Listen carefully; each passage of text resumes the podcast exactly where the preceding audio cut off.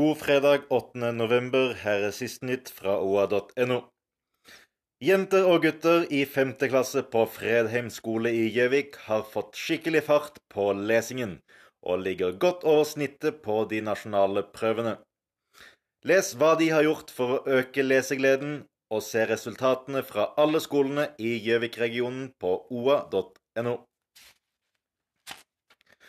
Reiselivsdirektør Atle Håvi har klokkertro på at Fagernes lufthavn Leirin kan få en ny gullalder, og oppfordrer lokale krefter til å legge inn bud når Avinor nå skal selge flyplassen i Valdres.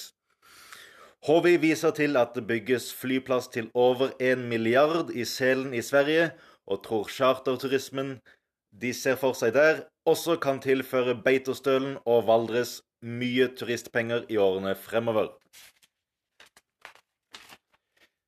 I natt måtte politiet ta i bruk spikermatte for å få stanset en bilist som stakk av fra kontroll i Kolbu. Utrykningspolitiet forfulgte den mannlige bilføreren i retning Lena, før en spikermatte stoppet ferden ved Bilit.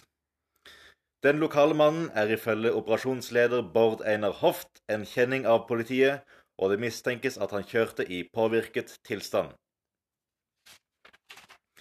Les mer om disse sakene og mye mer, og følg med på oa.no for de siste og viktigste nyhetene fra Vest-Oppland.